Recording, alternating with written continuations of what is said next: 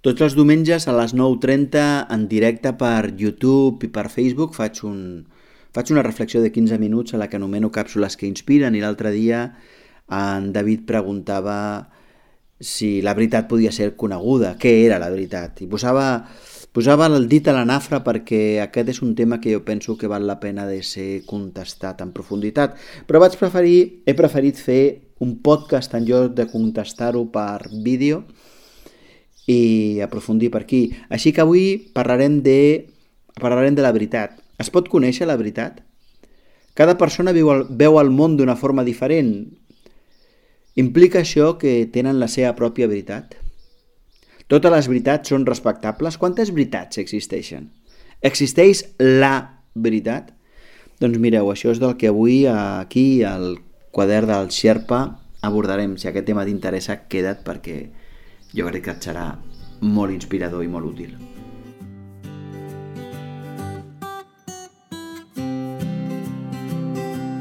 Benvingut, benvinguda al Quadern del Xerpa, un podcast en català sobre autoconeixement, creixement personal i espiritualitat pràctica que busca certa útil. El meu nom és Daniel, Daniel Gavarró, i desitjo nutrir-te interiorment, abordant aquests temes amb senzillesa, però sense renunciar a la seva profunditat. Gràcies per ser aquí.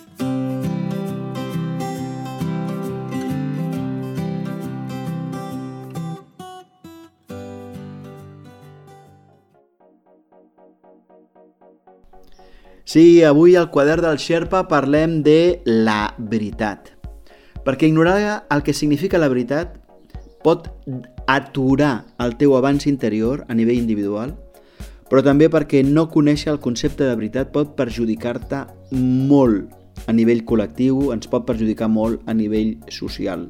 Així doncs, avui parlem de la veritat, aquí, al quadern del Xerpa.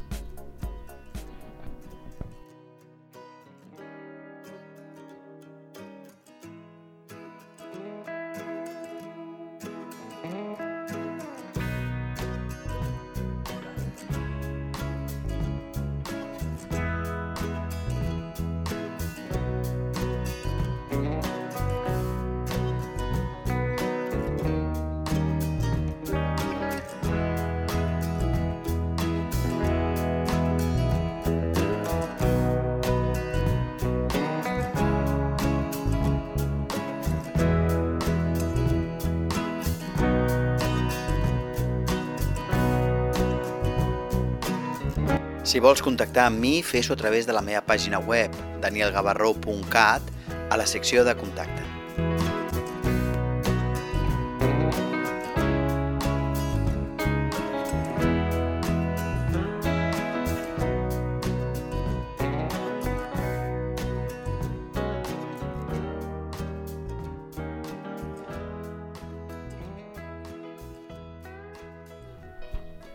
Que una paraula existeixi no vol dir que el concepte sigui eh, real, existeixi. I una demostració d'això és la paraula unicorni. Els unicornis existeixen al món de la fantasia, però no existeixen al món físic. I això té una certa importància quan parlem de veritat, perquè segurament haurem de parlar de mons diferents i d'àmbits diferents i no haurem de confondre la fantasia amb la realitat, per favor. Però hi ha una altra reflexió, i és que, que una paraula existeixi no vol dir que sempre tingui un únic significat. I l'exemple més clar és la paraula banc. Un banc pot ser una, un lloc on un seu imitat, jo que sé, en un jardí, he segut al banc del jardí, o també pot ser un lloc on un porta els diners en teoria, en teoria, i només en teoria perquè li cuidin. És a dir, he portat els meus estalvis al banc fulanito o menganito. Per cert, investigueu quins bancs existeixen perquè existeixen bancs ètics i existeixen també cooperatives de crèdit i ara estic parlant, per exemple, de Triodos Bank o estic parlant, per exemple, de Caixa Guissona o estic parlant, per exemple, de Caixa d'Enginyers perquè si nosaltres volem tenir una, una vida ètica, hauríem de pensar on tenim els nostres diners. Però bé, dit això, Que una paraula existeixi no vol dir que tingui un únic significat i precisament això és el que passa amb la veritat. La veritat sí que existeix, però té significats diferents en funció del context i aquesta és la dificultat que ens ha portat a dir a moltes persones que la veritat no existeix. I aquest és un error que a mi m'agradaria intentar resoldre en aquest podcast. Ara m'agradaria explicar-vos seguint la línia d'un dels meus filòsofs de capçalera, que és en Ken, en Ken Wilber, no el de la Barbie, sinó un altre, que, que ell parla bàsicament de que hi ha quatre grans tipus de veritat i m'agradaria d'alguna forma fer-vos un resum, espero que comprensible. La primera, la, el primer tipus de veritat és la veritat científica, és a dir, tot, de, totes, de totes aquelles coses que es poden mesurar, pesar, i que es poden d'alguna forma tocar, tocar, encara que sigui a través de màquines que mesuren la seva existència, com la llum ultraviolada. I tot el que fa referència a aquestes, a aquestes realitats li podem dir realitat científica. Però després existeix una altra realitat, que és la, la, la vera, un altre tipus de veritat, que és la veracitat. La veracitat o la veritat subjectiva és en realitat la veritat del, com a individu, com a persona, és el meu marc cognitiu, la meva comprensió del món, i és quan jo sóc coherent, quan jo, jo sóc veraç, quan jo no vull enganyar-me a mi mateix, sinó que vull ser... vull veure les coses tal com són. I intento ser coherent entre el que penso, el que sento, el que faig, el que he descobert. I aquest és un tipus de veritat diferent. Fixeu-vos que la veritat científica parla de, de coses que poden ser mesurades, però la veritat subjectiva, la veritat individual, la veracitat, parla de coses que vivim al nostre interior. Fixeu-vos que els sentiments no poden ser mesurats. Ai, perdó, l'amor, l'amor o els sentiments no, no poden ser mesurats, no poden ser descrits. Podem descriure i podem mesurar els canvis hormonals que ens provoquen, els impulsos elèctrics que es viuen al nostre cervell, però disculpeu-me, l'amor que jo visc no és un impuls elèctric.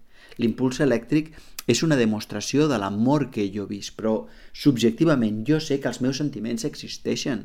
No existeixen només impulsos elèctrics. Aquesta és la meva vivència subjectiva i per tant jo crec que hem de diferenciar entre les veritats científiques, aquelles coses que poden ser mesurades, i la veritat subjectiva, aquelles coses que poden ser viscudes, encara que no puguin ser mesurades. Però existeixen encara dos tipus de veritat més. Una tercera veritat és la veritat social o cultural. És a dir, és el marc cognitiu amb el que una societat descobreix o descriu el món, és a dir, és la cultura. I aquí hi ha tota una sèrie de, de, de, de ciències, entre cometes, si em permeteu aquest, que posi entre cometes això, que investiguen aquesta realitat. Eh, L'economia, per exemple, la literatura, la història, la, la sociologia, l'antropologia, són tota una sèrie d'estudis de, que intenten esbrinar la veritat social, el marc cultural de les diferents societats, i donar pistes perquè les societats doncs, es coneguin més a si mateixes i evolucionin. És a dir, que fins ara tenim tres tipus de veritat. La veritat científica, la veracitat o veritat subjectiva, la que jo visc individualment quan em miro dintre meu, i després la veritat social o cultural, és a dir, allò que nosaltres, jo que sé, com a catalans veiem que és obvi i evident, però que, que els espanyols no veuen o que, jo què sé, que els alemanys no entenen, o que als Zulus els hi sembla que és diferent. Per tant, estem parlant de veritat social o cultural. I hi ha, un, hi ha una quarta tipus de veritat, que és la, la veritat última. La veritat última o la veritat de la realitat. És a dir, què és allò que dona vida a les coses, a les persones, quina és l'essència que sempre és, allò que mai no canvia i està sempre present al marge dels canvis existents. I sí, En aquest podcast parlaré d'aquesta veritat, de si nosaltres podem conèixer aquesta veritat última, però també parlaré de dos grans errors fonamentals que nosaltres tenim en la veritat cultural i en la veritat científica, perquè aquests dos grans errors ens estan impedint avançar com a societat, com a col·lectiu. Així que, si us sembla, reflexionaré al voltant d'això, però, però permeteu que ho faci dintre d'un instant.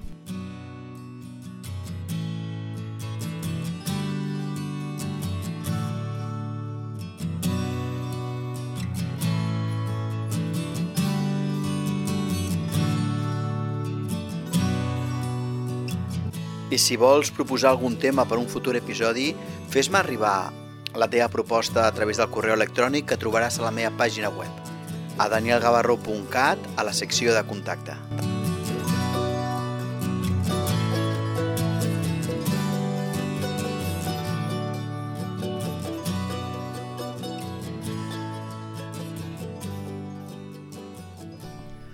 Abans de parlar sobre la veritat última, deixeu-me que reflexioni sobre dos grans errors del nostre temps en relació a la veritat científica i a la veritat social. Començo per la veritat científica. Mireu, la ciència ha ocupat espais que no li corresponen. En aquest moment sembla que tot allò que no es pot mesurar i demostrar científicament no és, no és cert, no és veritat, és mentida. I aquest és un gran error. Els meus sentiments existeixen al marge de que no puguin de que no puguin demostrar-se. El meu amor existeix encara que no pugui mesurar-se. Hem de demanar a la ciència, hem de demanar a la medicina, hem de demanar a la ciència empírica, a la veritat empírica, que ocupi l'espai que li correspon, que és aquell espai que es limita a descriure com funciona el món en els aspectes mesurables. Fa segles l'Església va invair amb les seves idees el concepte de veritat i tot allò que no estava a la Bíblia no era cert. En aquest moment ens succeeix el mateix. Tot allò que sembla que no és mesurable no és cert. Però hi ha moltes coses que jo visc al meu interior que són innegables i no poden ser mesurades. L'únic que haurien de demanar a la ciència és que s'ocupés exactament del seu territori i deixés d'afirmar que tot allò que no pot mesurar no és cert. Tot allò que no pot mesurar no ho pot mesurar, però no vol dir que no existeixi. El meu amor continua existint al marge de que el puguin o no mesurar. I aquest és el gran, un dels grans errors perquè ens porta a viure una societat que, en paraules de Ken Wilber, un dels meus filòsofs de capçalera, és una societat xata, una societat plana, una societat que nega la profunditat de la interioritat.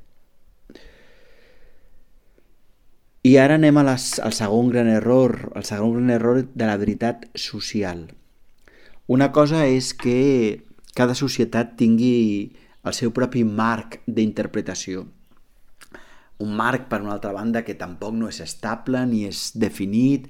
Fa un moment jo he dit que el marc català no és exactament igual al marc alemany, però és evident que entre el marc alemany i el marc català existeixen molts fluxes i moltes relacions i que hi ha persones a Catalunya que veuen certs temes més semblant a com ho veuen els alemanys que viceversa i al revés i el mateix si diguéssim el marc català i el marc espanyol o el marc català i el marc zulú és a dir que no són marcs absolutament estàndards però o, o, o, o excloent o, es, o, o, o immòbils. Però en tot cas sí que ens donen un, un marc de comprensió interessant per entendre que certes cultures en general entenen la realitat d'una forma i altres cultures entenen la realitat d'una altra.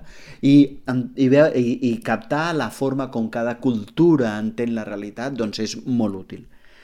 Però aquí existeix un error immens que jo crec que hem de superar i és creure que totes les opinions sobre la realitat, ja siguin individuals o siguin col·lectives, valen el mateix. I no és veritat. No totes les opinions valen el mateix. Mireu, quan un cotxe s'espatlla, jo no en tinc ni idea de mecànica, així que per favor no em feu votar sobre si s'ha espatllat el carburador o té la bugia espatllada o no en tinc ni idea, per favor, a mi no m'escolteu. La meva opinió no té cap valor en el tema de la mecànica. I nosaltres hauríem de començar a adonar-nos que no totes les opinions tenen el mateix valor. Que totes les opinions són respectables. És una mentida com una casa, perquè no totes les opinions són respectables. El que sí són respectables són les persones. Les persones són totes respectables, però les opinions no. Perquè hi ha persones que tenen opinions francament bueno, de, les nables, horribles, terribles, fastigoses, vomitives, eh, eh, absurdes, estúpides, idiotes, en fi. Eh, M'agradaria fer, per tancar aquest segon apartat, una reflexió sobre quines opinions no són respectables. I crec que és imprescindible que com a societat ho tinguem claríssim. Les opinions que no són respectables són aquelles que en l'àmbit dels temes que són mesurables neguen la ciència. Totes les persones que afirmen que la Terra està feta de xocolata negra al 82%, doncs poden tenir aquesta opinió, però la seva opinió no és respectable perquè la Terra no està feta, el planeta Terra no està construït de xocolata al 82%. Les persones que afirmen coses que poden demostrar-se científicament i contradiuen la ciència no diuen cap opinió respectable. Per exemple, les persones que afirmen que la Terra és plana perquè quan elles miren el Terra està pla, pues, francament, com a persones són molt respectables, però la seva opinió és del... és estúpida, és estúpida, és estúpida, és estúpida, perquè es pot demostrar científicament que la Terra no és plana. Les persones que neguen l'existència de la llei de la gravetat, pues és, com a opinió és estúpida, i aquesta opinió no pot ser respectable. Elles sí, elles han de ser respectables. De fet, a l'Evangeli es diu una cosa molt útil que és ensenyeu el que no sap. I la segon tipus, les segones opinions que no poden ser respectables. Les persones sí, però les opinions no. Són totes, aquestes, tot, totes les opinions que van en contra dels drets humans. Sí, ja sé que els drets humans són una construcció cultural. I sé que d'aquí 100, 200, 300 o 5.000 anys els drets humans que tenim ara s'hauran quedat tan petits que faran pena però nosaltres no podem respectar les opinions de persones que diuen que les dones són imbècils, que les dones són inferiors, que les dones són desiguals, que pel fet, que pel fet de tenir un cos determinat han de fer unes feines diferents, han de tenir una vida diferent, perquè el nostre cos no pot definir la vida que tindrem. De la, de la mateixa manera, no podem permetre que es discrimini a les persones simplement perquè han nascut en un lloc determinat, o perquè tenen una religió determinada, o perquè tenen un color de pell determinat, o perquè tenen una, opini... perquè tenen una identitat diferent a la que indicava a la que semblava indicar el seu cos biològic o que tenen una orientació sexual diferent de l'estàndard. És a dir, nosaltres no podem respectar persones que són racistes, persones que són antifeministes, que són misògenes, persones que són homofòbiques, persones que són transfòbiques. Podem respectar aquestes persones per suposat, per suposat, per suposat. Però no podem respectar les seves opinions les seves opinions no són respectables. No, no es pot respectar, no es pot dir pugi aquí dalt i parli, perquè tothom té dret, tothom té dret a dir la seva opinió. No, no to tothom no té dret a dir la seva opinió quan la seva opinió està basada en l'odi, quan la seva opinió està basada en la, en, en de respecte als drets humans, per més que aquests aniran creixent amb els anys, i en aquest moment encara són massa petits, ni contradiuen la ciència. Aquests dos grans errors, que la ciència ocupi les, un espai que no el correspon i que, i que negui la profunditat de la interioritat. i després que nosaltres considerem que totes les opinions són igual de respectables, són dos grans errors que socialment nosaltres hem de superar si volem ser fidels a la veritat, concretament a la veritat social i a la veritat científica. Però ara sí, ara sí que m'agradaria abordar la veritat última de la realitat. Pot, es pot conèixer la veritat última de la realitat? Nosaltres podem conèixer aquesta veritat? Doncs pues d'això, en parlo d'aquí un moment.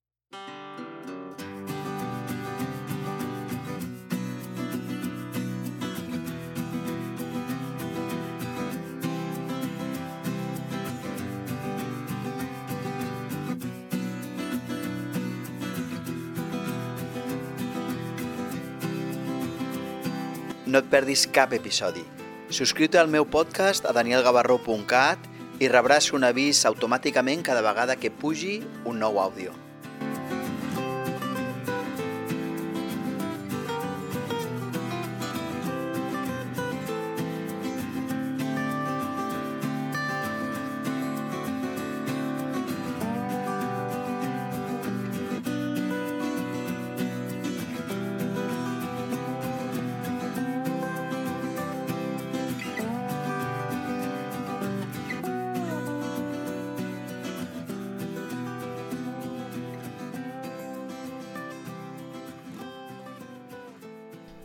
La veritat última és allò que no canvia, allò que sempre és, allò que sempre està present, allò que és immòbil a pesar del canvi.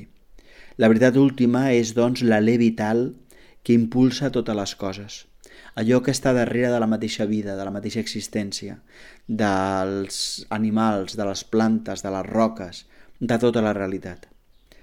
Per tant, també està dins nostre, en el més profund, és el que nosaltres som. I per tant, si és el que nosaltres som, quan jo em conec a mi, conec aquesta veritat. El problema és que sovint allò que vol, que diu que vol conèixer, és l'obstacle. Perquè està constituït per creences i judicis que li impedeixen entendre netament la realitat. Però que una cosa no pugui viure's de forma total i plena no vol dir que no es pugui conèixer, o que almenys no es pugui conèixer parcialment. Cada vegada que jo deixo caure un error del meu interior, cada vegada que jo deixo caure un error en la meva mirada, cada vegada que això succeeix, m'aproximo més a qui jo sóc, és a dir, m'aproximo més a la veritat, és a dir, conec més la veritat. Posaré un exemple de geogràfic. Que jo no pugui conèixer total i absolutament un país no vol dir que no pugui conèixer parcialment una part d'aquest país. I això és el que ens passa amb la veritat última. La veritat última la som, perquè no podem ser una altra cosa que aquesta essència que sempre és. Perquè si l'essència que sempre és, és, és nosaltres només podem ser això. I, òbviament, no som el nostre cos, no som els nostres sentiments, no són les nostres emocions, no són les coses que fem, perquè aquestes coses passen. Però el que és, sempre és. I encara que jo no pugui conèixer absolutament aquesta essència que sóc, sí que puc deixar caure alguns errors en la meva visió. I, per tant, jo sí que em puc viure a mi mateix.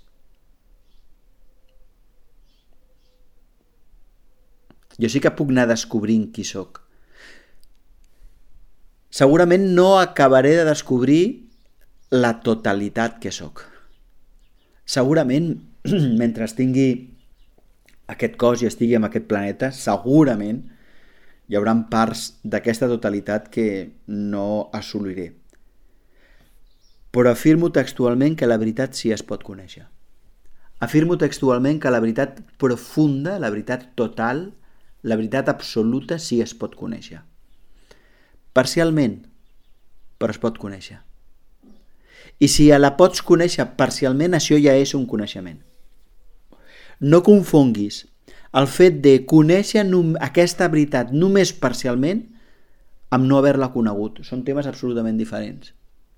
Estic d'acord estic d'acord en que possiblement no podrem conèixer la totalitat de la realitat última.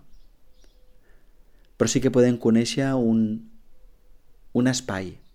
És més, aquest espai que nosaltres podem conèixer cada vegada el podem conèixer més. El podem conèixer més. Per tant, la veritat sí es pot conèixer. Parcialment, però es pot conèixer. Però igualment aquesta parcialitat pot ser cada vegada més gran. Així doncs, allò que tenim-ho és que tenim-ho a, a, a buscar, tenim-ho a, a conèixer-la, tenim-ho a anar cap endintre per descobrir aquesta part que, de tu que sempre és, perquè això que jo sóc és el que, és el que és a tot. És el que tot és. Jo no sóc diferent de la resta. Allò que a mi em fa viu no, no és una cosa especial que l'han fet especialment per mi. Allò que a mi em dóna existència és el que dóna existència a la totalitat. Perquè jo sóc una part de la totalitat. I quan... Però aquesta totalitat la coneixeré. Aquesta, aquesta raó última de l'existència la coneixeré quan vagi cap endins. I descobreixi que el que diuen els budistes, que sempre he estat il·luminat, que allò que és sempre ha estat dins meu, o descobriré allò que diuen els jueus i els cristians, que dins meu sempre he estat habitat per l'esperit de Déu, que jo de fet sóc fill de la divinitat, que sóc la mateixa divinitat a la seva semblança i que sóc fill o filla seva. I, i ara, però... I ara l'única cosa que voldria és animar-te a buscar. Però animar-te a buscar encara m'agradaria dir-te una última cosa molt breu.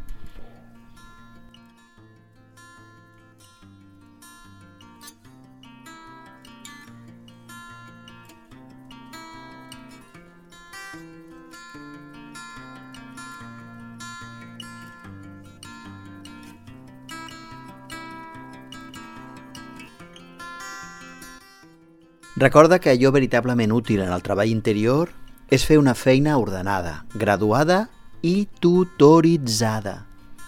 Ho sé per experiència. Per això t'animo a que facis una ullada als espais formatius que imparteixo, que els trobaràs a la meva pàgina web, danielgavarró.cat. Però t'animo especialment a que miris el curs aulainterior.cat i el curs en castellà Universitat de Vida punto online. Crec que et seran molt inspiradors.